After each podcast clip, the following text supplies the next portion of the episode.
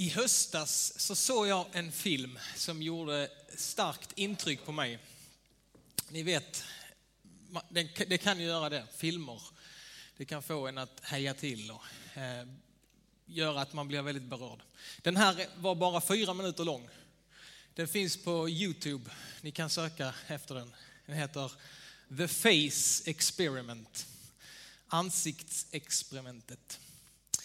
Och man får i alla fall se en mamma som sitter och leker med sin lilla bebis. Och hon sitter som, som mammor gör liksom och har full bara uppmärksamhet på sin, sitt, sitt barn.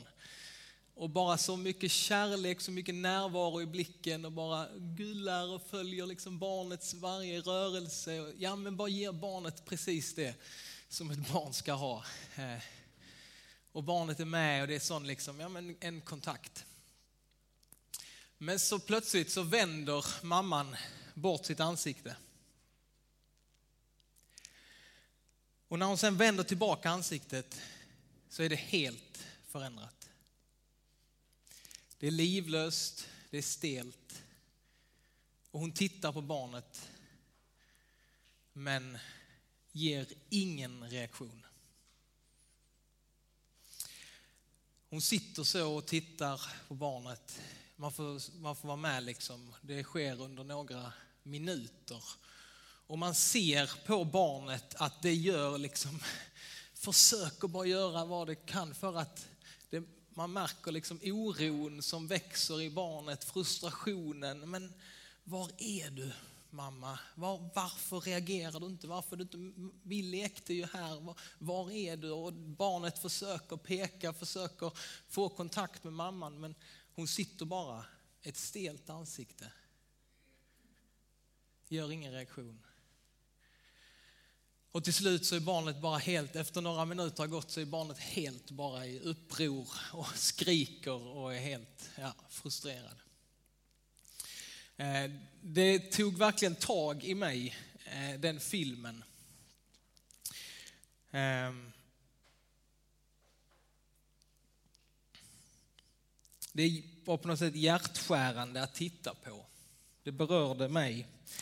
Eh, men det är ju faktiskt så vi människor blir till. Det är så vi människor blir till. Direkt så söker vi efter ett ansikte att titta in i. Det är så otroligt viktigt. Framför allt i de unga åren.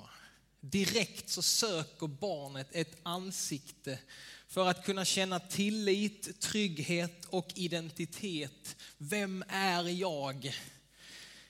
Jo, jag får min identitet genom att se in i någon annans blick. Jag får min trygghet, min, liksom, min grund i mitt liv, det får jag genom att titta in i en annans blick som säger, du är min son, du är min dotter, du är älskad, du är speciell, du är viktig för mig. Och detta har vi människor, vi har inte alltid vetat detta, men idag så är det som en självklarhet för oss. Vi vet att ett barn som inte blir sett och bekräftat av sina föräldrar kan få stora problem genom livet. Det är precis som att grundtryggheten inte finns där. Hela livet blir en fråga, är jag älskad? Är jag viktig? Och den grunden den läggs när vi får vila i någon annans blick, i någon annans ögon. Och så tänkte jag då, och så tänker vi nu, jag tänker alla, alla som ser den filmen och vi här, vi kan känna, säga ja men jo, det är sant för de små barnen. Det är sant för den liksom, tiden i livet. Men jag skulle vilja säga, och jag tror, jag tror, jag tror att det gäller för oss. jag och du, det gäller för oss genom hela livet. Den känslan Jag tror det är lika för oss genom hela livet. Det enda skillnaden är att när vi är vuxna så har vi blivit bättre på att dölja våra utbrott. Va? Vi beter oss inte som det lilla barnet, men det gör ju lika ont i oss när vi möter en kall blick från någon som man förväntade sig kanske en värme, en glädje, kärlek och så möter vi en kall, oengagerad, ointresserad blick och det gör så ont i oss.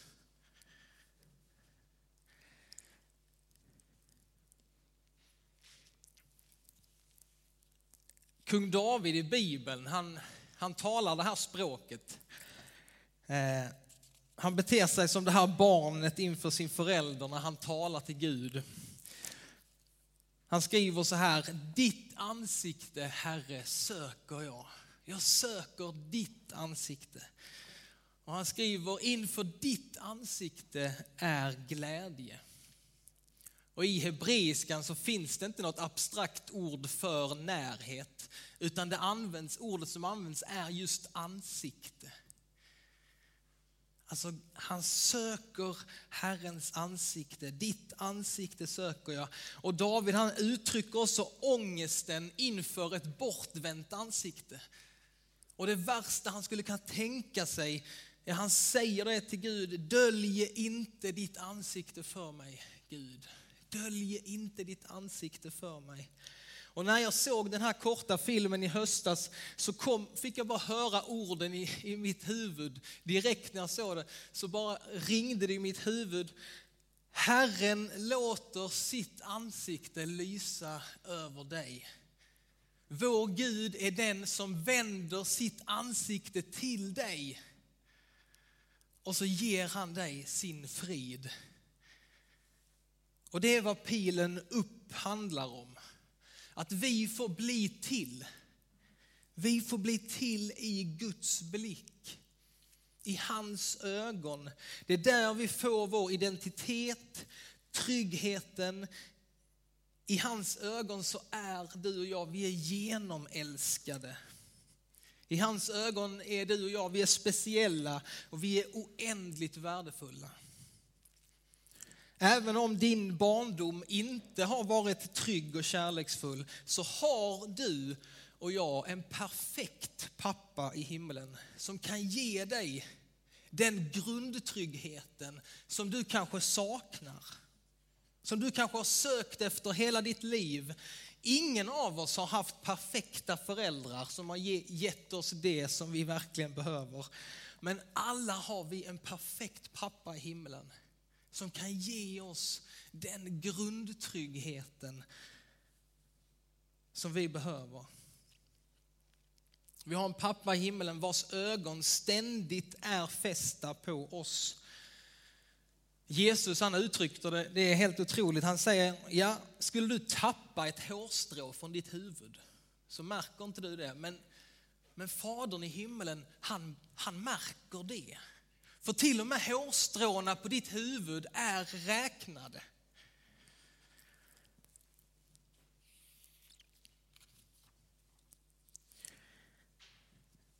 Och detta är på något sätt så tydligt i Bibeln. Vi läser om evangelisten Johannes.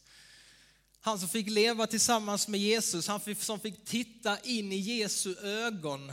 Han som blev förvandlade av den kärleken. Ja, när han skriver sitt evangelium så, ska, så skriver han inte Johannes, utan han skriver den lärjunge som Jesus älskade. Skriver han om sig själv. Paulus han önskar och han ber för oss att vi skulle få fatta bredden, höjden, längden och djupet av Guds kärlek. Och jag tror att det var detta som människor mötte när de fick se Jesus. Han såg på dem med en kärlekens blick. För vi brukar ju säga det att ansiktet det är hjärtats spegel. Och det är rätt så lätt att se det. Va? Genom ansiktet så kan vi få se en persons sinnesstämning, attityder, känslor, humör, personlighet. Ett ansikte avslöjar väldigt mycket. Om du nu börjar tänka på en person som du älskar eh, och som du vet älskar dig och som du tycker om om du börjar tänka på den personen, ja men då är det någonting som händer i ditt ansikte. Vi kan liksom inte dölja det, utan vi skiner upp och vi börjar stråla av glädje. Man blir faktiskt vackrare av att känna sig älskad. Visste ni det? Man blir fysiskt vackrare, kinderna får färg, läpparna blir rödare, pupillerna blir större så ögonen upplevs större. Och på samma sätt så blir ansiktet förkrympt, hämmat, osäkert när någon talar illa om dig eller misstror dig. Ögonen blir grå, livlösa. För ansiktet speglar vårt hjärta. Och hur var det då för människor att få se in i Jesu ansikte?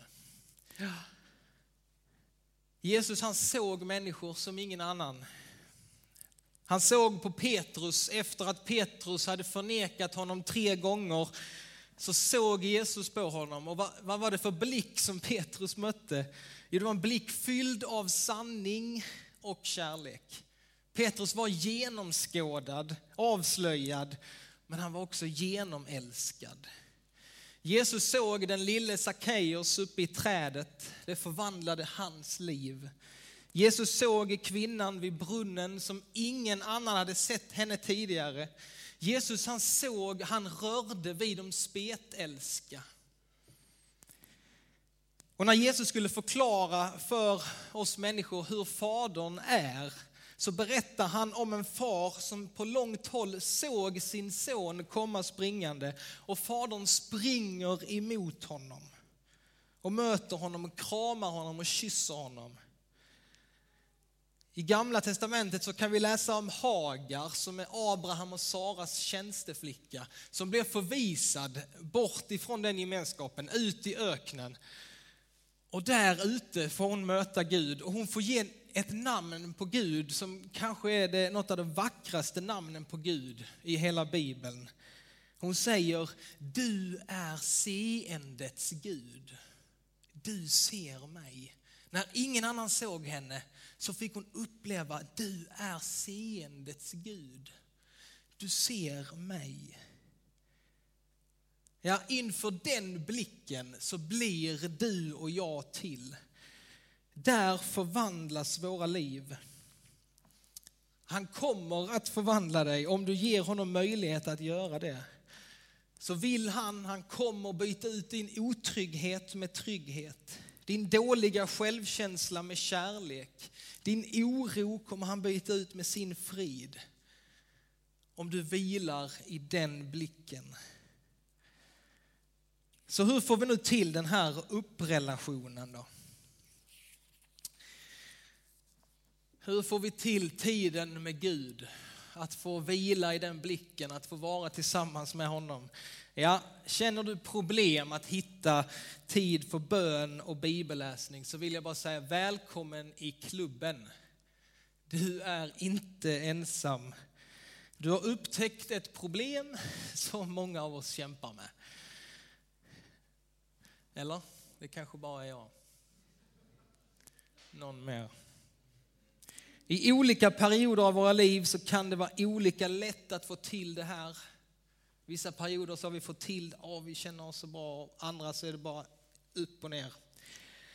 Men att leva uppåt mot Gud, att få leva nära honom, vänd mot hans ansikte, det handlar mer än att bara samtala och lyssna med honom på honom. Det är, inte, det är inte bara kommunikation, utan det är att vandra med honom ständigt, hela tiden och räkna med hans närvaro i ditt liv.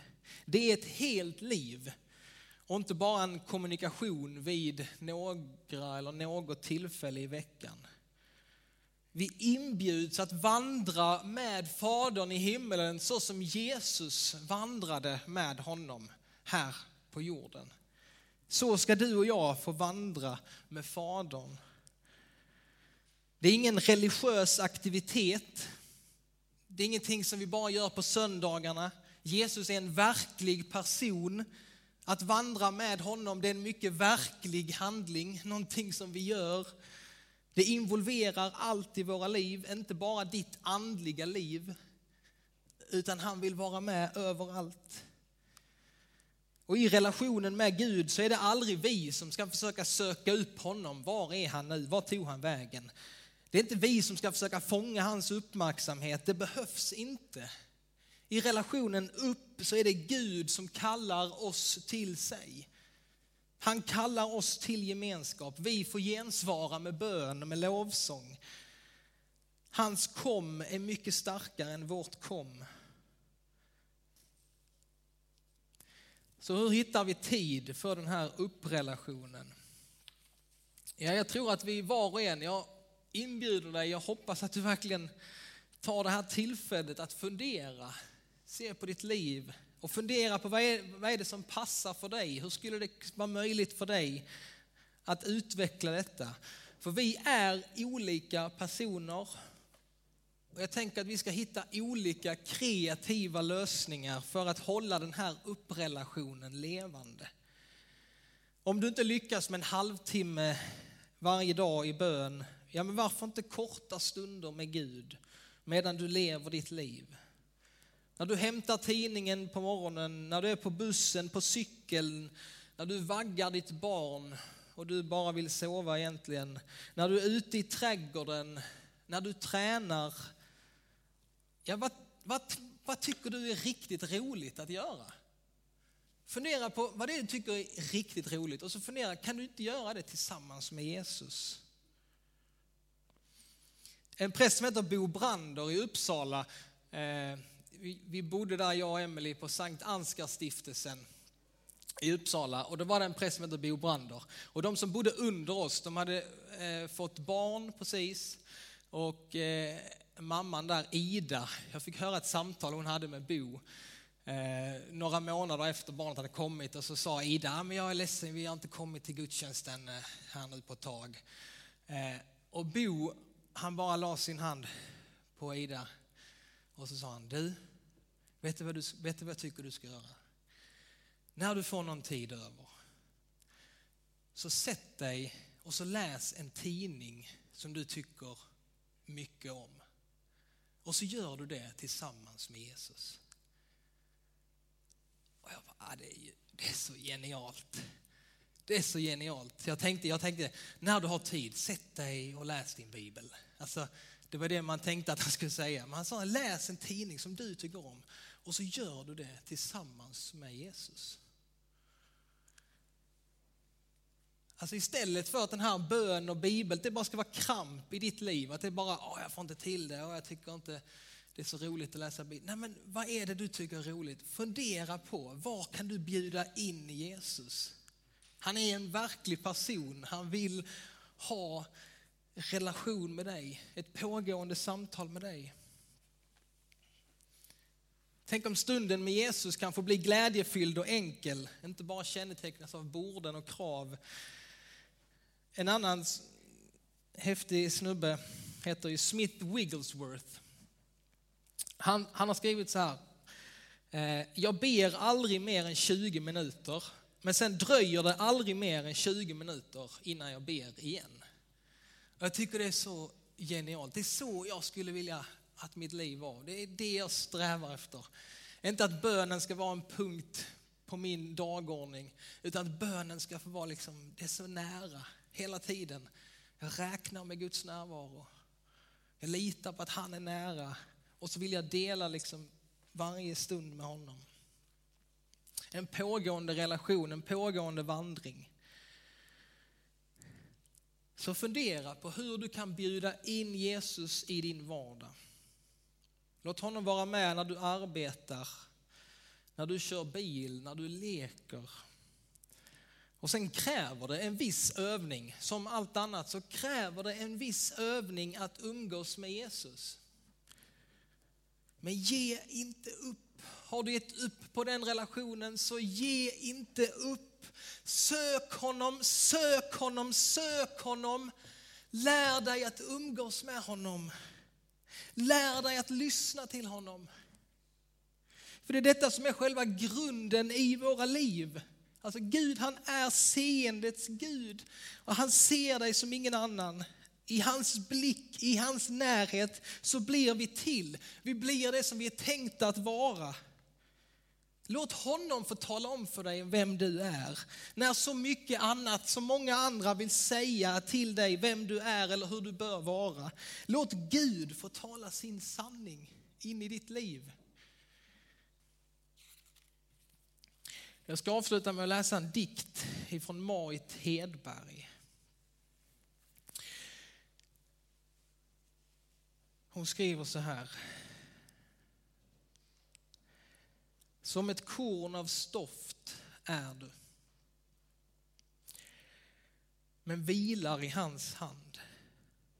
Som styr världarna och uppfyller oändligheten. Som det ringaste stoftkorn med mera värd än allt guldet. Han vårdar sig om dig med styrkan av all sin omsorg. Han ser på dig med kärlek utan gräns. Du är dyrbar i hans ögon och han glömmer inte att du finns. Ringa som stoft är du dock en del av hans verk, en bit av oändligheten. Och en gång, en gång när den sista natten rämnat i ett bländande ljus ska du se och förstå detta ofattbara. Att vara införlivad i hans meningsfyllda och eviga sammanhang.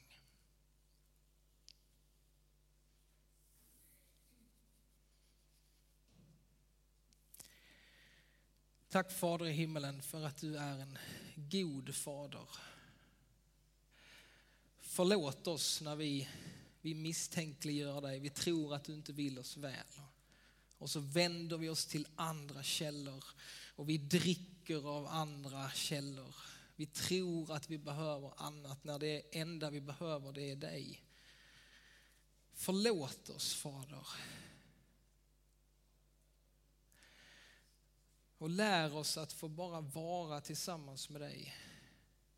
Att få ta emot oss själva i din blick. Tack för att din blick är vänd mot oss var och en. Amen.